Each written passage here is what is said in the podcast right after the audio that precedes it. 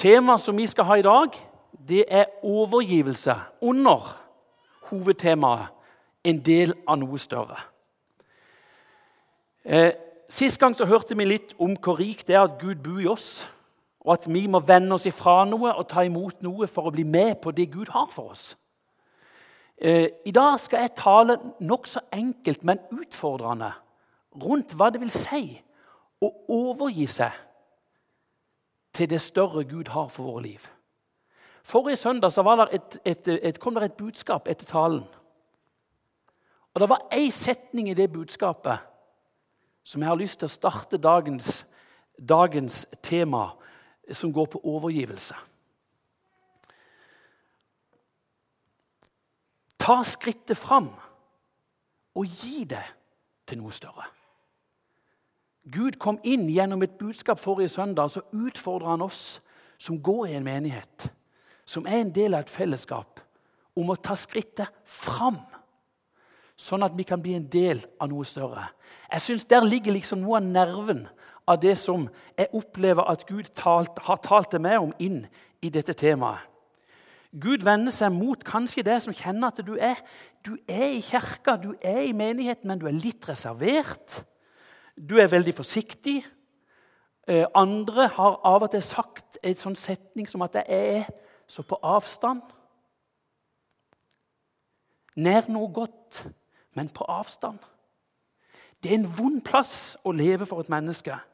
Gud ønsker gjennom det å utfordre deg litt, til å hjelpe deg til bevissthet. Til å tørre å ta et skritt for å bli med inn i noe større. Da må du ta et skritt fram. Eh, det står mye fint om mange personer i Bibelen. Men det står noen ord om Abraham, en av trosheltene i Gamle Testamentet, eh, som jeg har lyst til bare å ta med inn i dette temaet. For Abraham hadde tatt skrittet fram. I sitt liv hadde han gjort noen fundamentale valg. Kristian, kan du bare hjelpe meg der bak? Der, der fikk jeg kontakt. I romerbrevet så står det han var ikke vantro, så han tvilte på Guds løfte. Men ble sterk i troen og ga Gud ære. For han var overbevist om at det Gud hadde lovet, hadde han også makt til å gjøre. Derfor ble han regna som rettferdig. Det var ikke bare for hans skyld at dette ble skrevet opp om ham det gjelder også oss. Paulus sier, 'Se på de valgene denne store bautaen eller denne store personen valgte å gjøre i sitt liv.' Han valgte å gi Gud ære. Han valgte å ha tillit til det Gud sa. Og gjennom det at det skrittet fram ble hans hverdag, så ble han med inn på det store som Gud hadde for hans liv. Dette gjelder også oss. Paulus sier det til romerne, og vi kan ta det til oss i 2019 i Lyngdal misjonsmenighet. Det er noen fundamentale valg vi må ta, og vi må velge å legge våre liv på. Abraham ga seg til noe, seg til noe større. Det gjelder også oss. I sommer har jeg lest en del misjonslitteratur helt bevisst. Jeg har kjent så behov etter talen jeg holdt her i juni, der jeg var innom en misjonær som heter Corrie ten Boom. Så har jeg lest en del om Corrie ten Boom, og så har jeg lest om Annie Skau.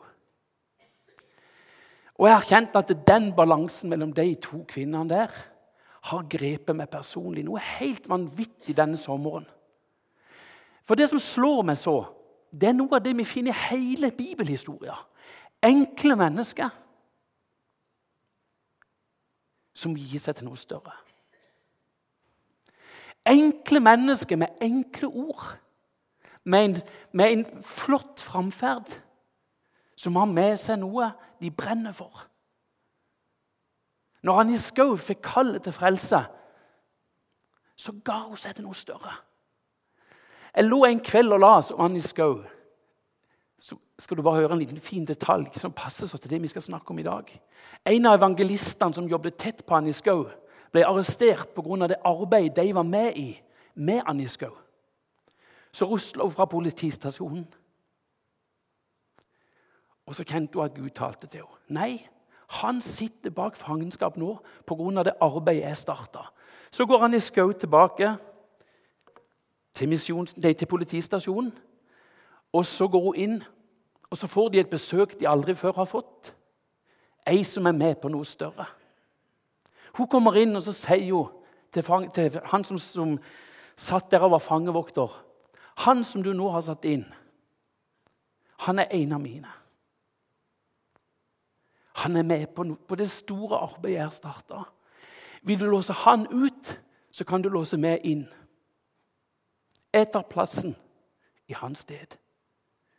Han som hørte de ordene, de som tok imot den beskjeden, etter ei tid ble jo de med på noe større.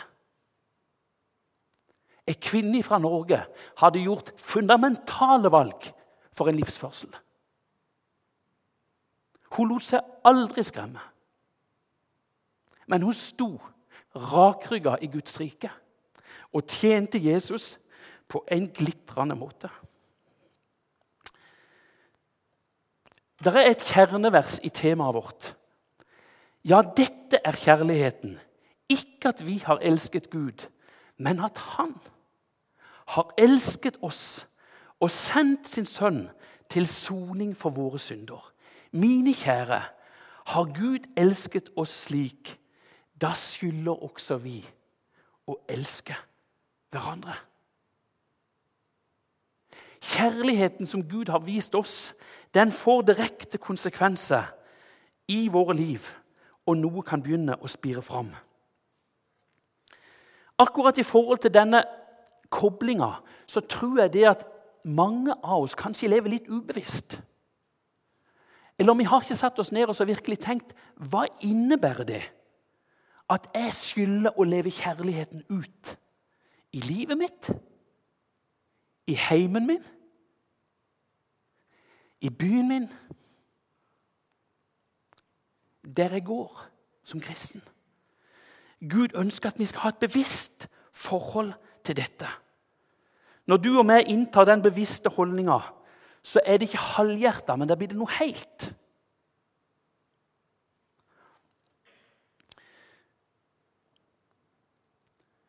Det er veldig mange mennesker som bruker mye tid på å stake ut karrieren sin. Eller hva skal jeg bruke livet mitt på? Der hjelper vi som foreldre barna våre med gode råd. Og de fleste som vokser fram, har vært igjennom tanker rundt det. Vi bruker mye tid i samfunnet vårt på hva vi kan få ut av livet. Utdanning, jobb og mange, mange andre ting. Det er noe som er enda mer viktig og sentralt, som jeg har lyst til at du skal tenke over når vi snakker om overgivelse, det er livsinnhold i hverdagen du lever. På arbeidsplassen. Altså det du tar inn i livet ditt. Ikke bare ytre kunnskap, men det du tar inn i livet ditt av tro. Det du gir rom for i hverdagen din, av Guds nærhet til det. Det er med å bety alt for livet ditt. Innholdet er enda viktigere enn det du faktisk får ut av livet mens du lever. Det har slått meg de gangene jeg har sittet og tatt avskjed med mennesker. Der en person skjønner at nå har jeg bare et kort stykke igjen. Jeg har fått en alvorlig diagnose som er sånn eller sånn.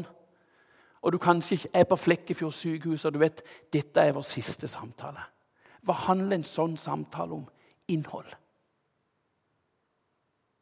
Innhold. Og hvis det er innhold, så kan en si på gjensyn.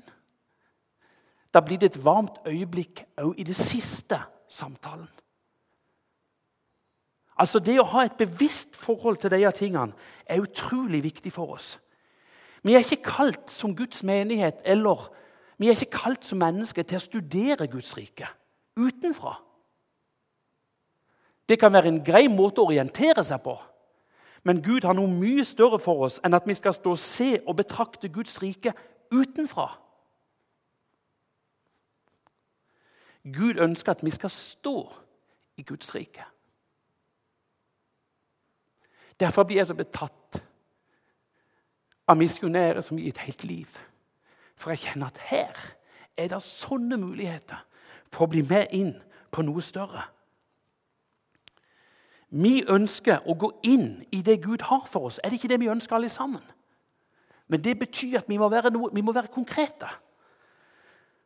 Når Jesus dette ble jo brukt forrige søndag. Når Jesus stanste med sine første disipler, så er det noen sånne fundamentale, enkle ting. Jesus stanser med dem, og så sier han, 'Kom og følg meg'. Det betyr oppbrudd. Det betyr at du går med en i tillit på noe større. Så vil jeg gjøre dere til menneskefiskere. Straks lot de garnet ligge og fulgte ham. Det er ord vi kjenner helt tilbake fra søndagsskolen, mange av oss, og det er nesten farlig. For vi må spørre oss sjøl er den bevegelsen i mitt liv og i min hverdag. En dag så sto der en og kikket inn i døråpninga på ei tollbod. Der satt Matteus. Og Matteus satt kanskje akkurat i det øyeblikket og triksa litt med noen tall. Det var det ofte en toller gjorde. Dette har vi snakka om. Så står det en med et radikalt valg, og Matteus reiste seg. En dag sto der en med hånd, hånda si på båtripa, og så så han på Peter. Og så spurte han fiskeren akkurat det, Lars. Kom, følg med.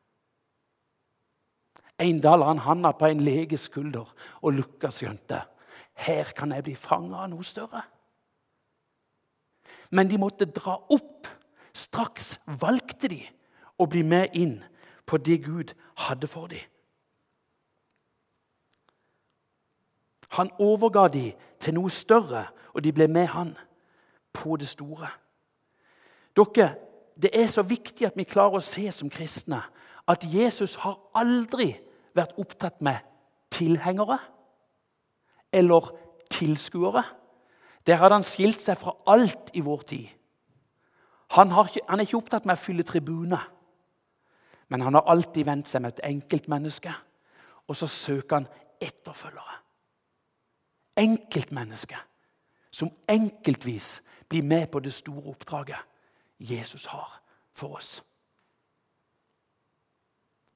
Og Derfor så taler helt konkret om det der, der og bli stående på avstand og synes det er bra, det som skjer. Det er flott, det dere opplever, men jeg er på utsida. Jesus vinker på det for å få det inn i sin nærhet. Har du og meg stått opp og virkelig fulgt etter Jesus? Er livet vårt i den bevegelsen det er det helt sentrale spørsmålet. En ungdom sa til meg en gang som levde veldig sånn her, så sa han det at jeg, jeg må jo innrømme sa han, at jeg er litt sånn, har sånn hobbytilnærming til kristenlivet. Jeg er liksom på når jeg er der, og så er jeg relativt av, helt av når jeg er på distanse. En liten illustrasjon på dette som jeg tror kan være, det kom så til meg når vi begynte å tenke litt på dette temaet. Jeg syns det er interessant å lese når folk søker jobb. Og jeg har blitt spurt noen ganger vil du lese mitt, eh, min søknad på den jobben.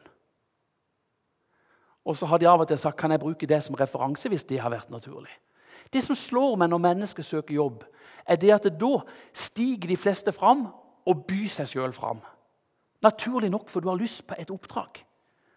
Og Så viser du til kunnskap du har, og så ikke minst så kanskje underbygger du litt holdninger du har i livet. At du ønsker å være på en måte en de kan stole på. En de kan på en måte betro noe. Og så henter du kanskje inn referanse som underbygger det. Det er ikke mange som skriver i et jobbintervju at 'jeg er litt på og litt av'. Jeg, jeg, du kan regne med meg på arbeidsplassen, men jeg vil være litt sånn i utkanten. Jeg kommer litt sånn som det passer meg.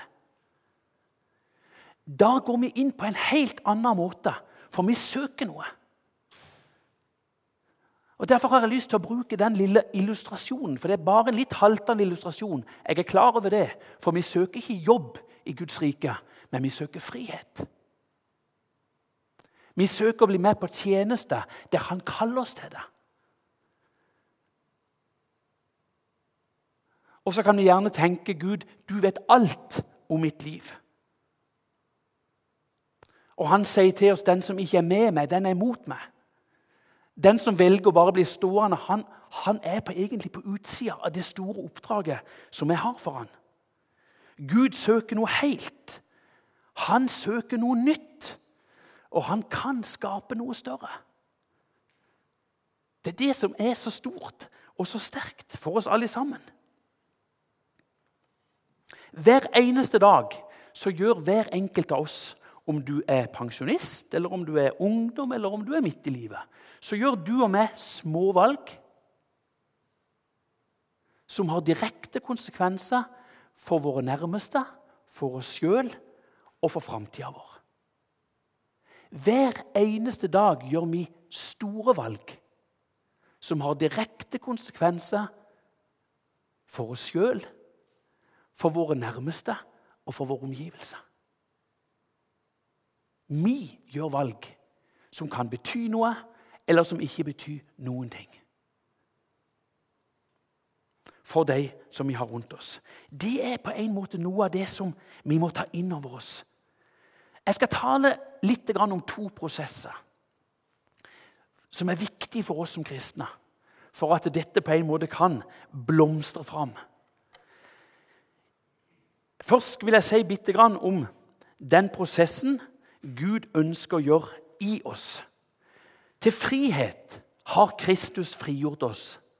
Stå derfor fast, og la dere ikke tvinge inn under trelldommens åk. Altså, Gud kaller oss inn til frihet i nåden, der han har tatt alle omkostninger for våre liv. Og så sier han til oss, stå derfor fast. La det du nå får lov til å oppleve, få lov til å spire fram i deg, i livet ditt og i hverdagen din. Han ønsker på en måte å bygge oss opp innenifra. Den hellige ånd tar bolig i oss, og så får det konsekvenser. Altså, Gud har på en måte sånn et helt spesielt prosjekt i mitt liv, i ditt liv og hos oss alle. Og Hvis den får lov til å på en måte, den prosessen får lov til å løpe litt fritt, sånn som Gud ønsker det, sånn som Den hellige ånd prøver å søke det Vis oss Jesus. Vis oss ting vi må legge av, ting vi må vende oss ifra, ting vi må gi oss til. Så kommer det frukt ut av livet vårt. Det skjer noe i integriteten vår som mennesker, inni oss. Og Derfor så står det noe fantastisk litt lenger bak i, i Galaterbrevet 5. Åndens frukt, som da vil komme i livet vårt, er kjærlighet, glede, fred, overbærenhet, vennlighet, godhet,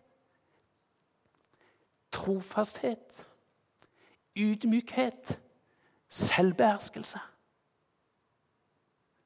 Han varmer oss innenifra. Han smelter det harde i oss.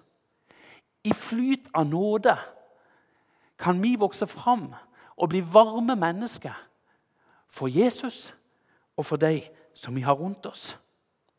Jeg syns det er så gripende å se den prosess som kan skje når vi gir Jesus rom. Og Dere har sikkert hørt uttrykket 'på frukten skal treet kjennes'. Det kan vi av og til bruke når vi, når vi står og betrakter ting og vurderer ting. Dere, det gjelder også vårt liv. På frukten skal treet kjennes. Gud ønsker å bygge oss opp innenifra. Har vi fått livet ved Ånden, så la oss leve ved Ånden.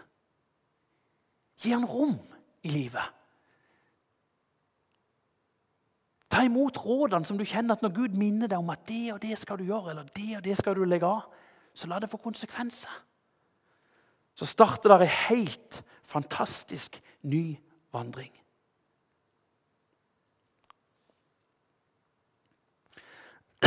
Oi sann, jeg skulle ikke hoste i den, nei. Det neste punktet jeg har, det er Nå har jeg snakka om Guds prosess i oss. Hvis den får lov til å gå sin gjerning, så kommer fruktene fram. Og det andre er noe så enkelt som at vi må åpne oss for den prosessen. Og Det tar også Paulus fram i et av brevene rett på sida, i Kolosserbrevet. Så, så, så, står det noe fantastisk fint. og De ordene var det første som kom til meg når jeg tenkte på dette temaet. For der viste det noen sånn aktiv holdning som vi som mennesker må ta. Hør på de ordene vi nå skal lese. Dere er Guds utvalgte, hellighet og elsket av ham. Kle dere derfor i inderlig medfølelse, godhet og ydmykhet. Ta dere ikke selv til rette, men strekk dere langt, så dere bærer over med hverandre og tilgir hverandre. Hvis den ene har noe å bebreide den andre. Som Herren har tilgitt dere, skal dere tilgi hverandre. Over alt dette Hør igjen. Det å kle seg, det er noe aktivt. Kle dere i kjærlighet, som er det bånd som binder sammen og fullender.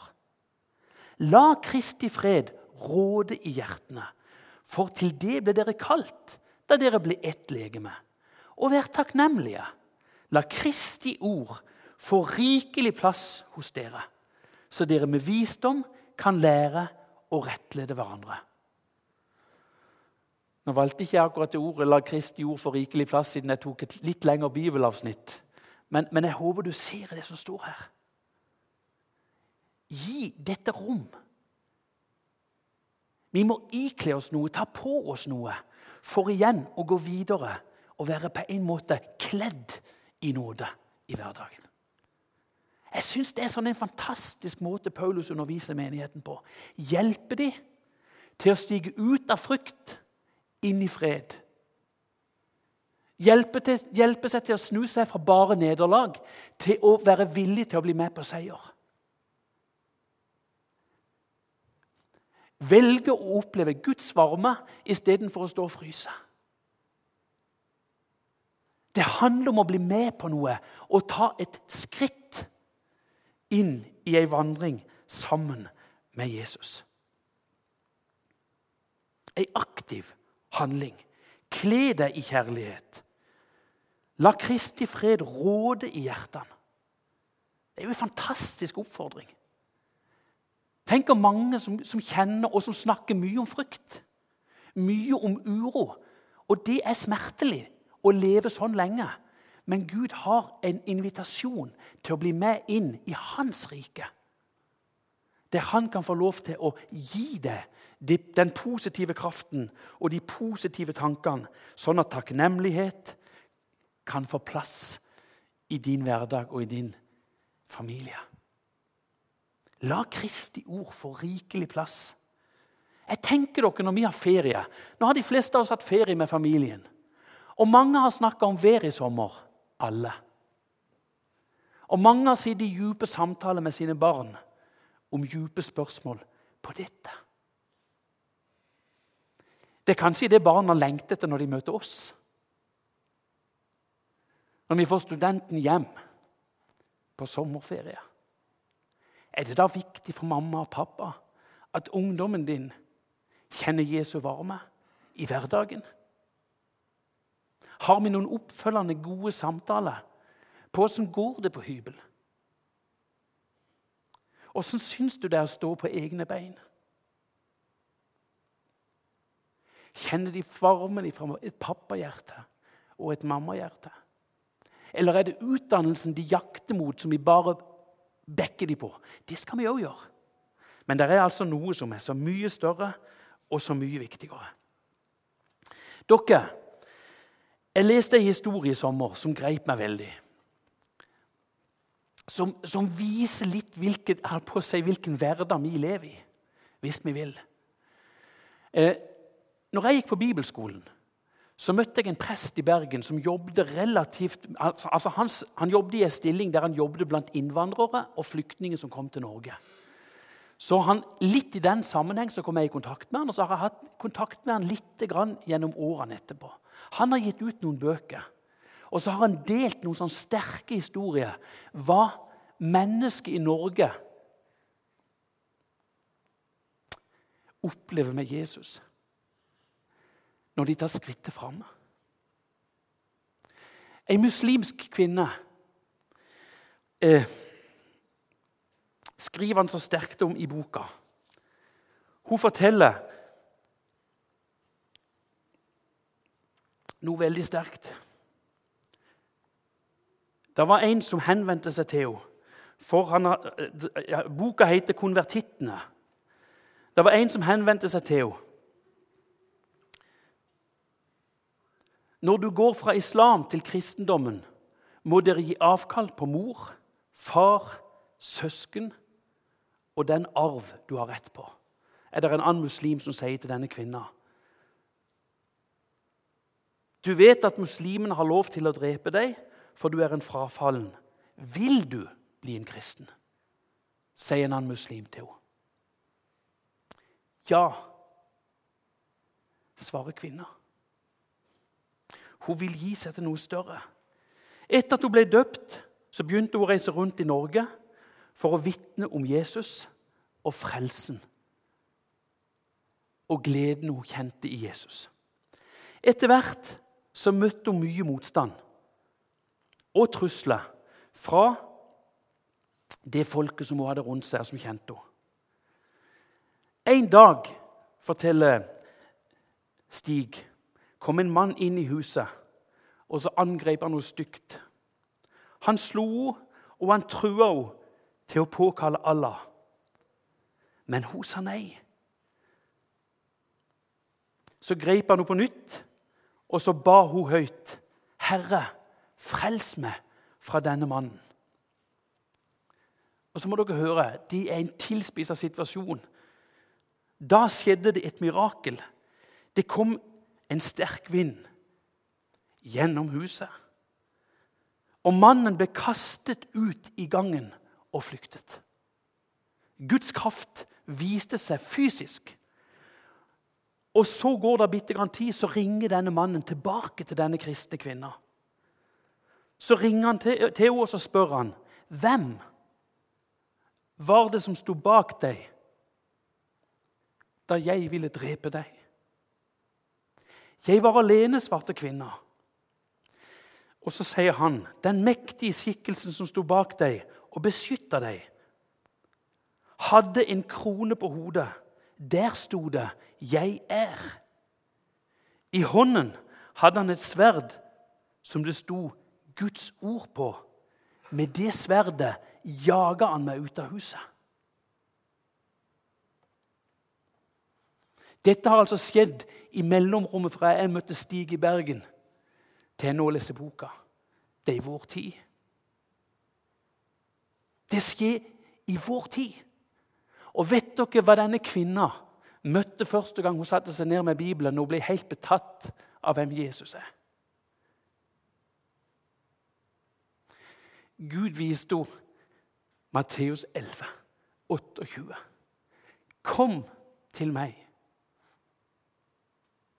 Muslimen sitter og leser. Kom til meg, alle som strever og bærer tunge byrder, så vil jeg gi dere hvile. Det var han som reiste seg like før hun skulle dø. I Norge. Jeg er veien. Det er hos meg du kan være trygg. Så ga han den andre muslimen et syn av hvem Jesus er. Så står han der med sverdet sitt, Guds ord, og så driver han ut den som er kommet for å ødelegge.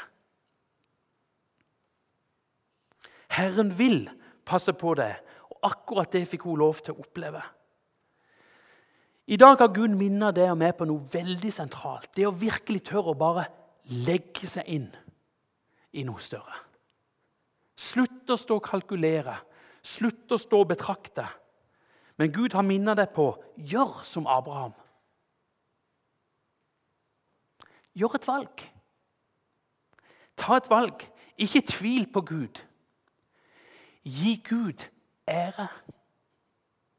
den største denne verden har sett. Han som har skapt oss. Gi Gud ære. Han har makt til å gjøre det han har lovt. Det stolte Abraham på. Og så står det altså dette gjelder òg oss. Dette gjelder òg oss. Det siste bibelordet du skal få med deg denne søndagen, er fra David. Du som sitter og kjenner at 'jeg må bevege meg'. Legg din vei i Herrens hånd.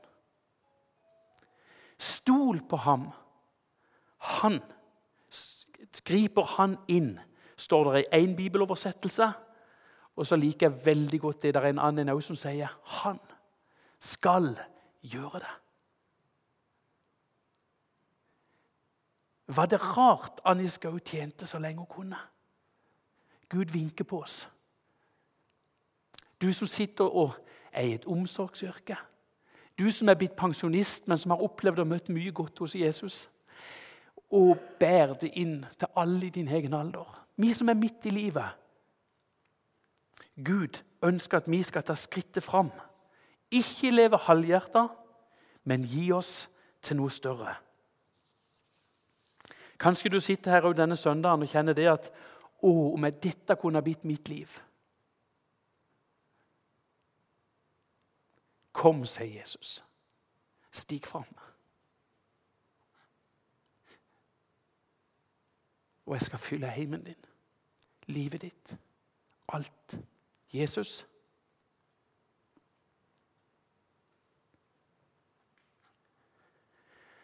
Vi syns det er sterkt både å lese ditt ord Vi syns det er utrolig sterkt, Jesus, å høre hva som skjer rundt i våre byer, i vårt folk. Det er mennesker som er kommet til vårt land for å søke ly og på en måte finne muligheter, få lov til å møte det og stige inn i en fred som overgår alt. Nå ser du de som har lytta i dag. Jesus, vi som er i dette rommet. Du kjenner hjertene.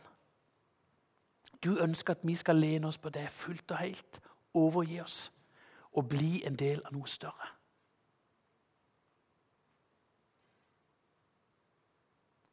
Vær hos hver enkelt av oss, Jesus.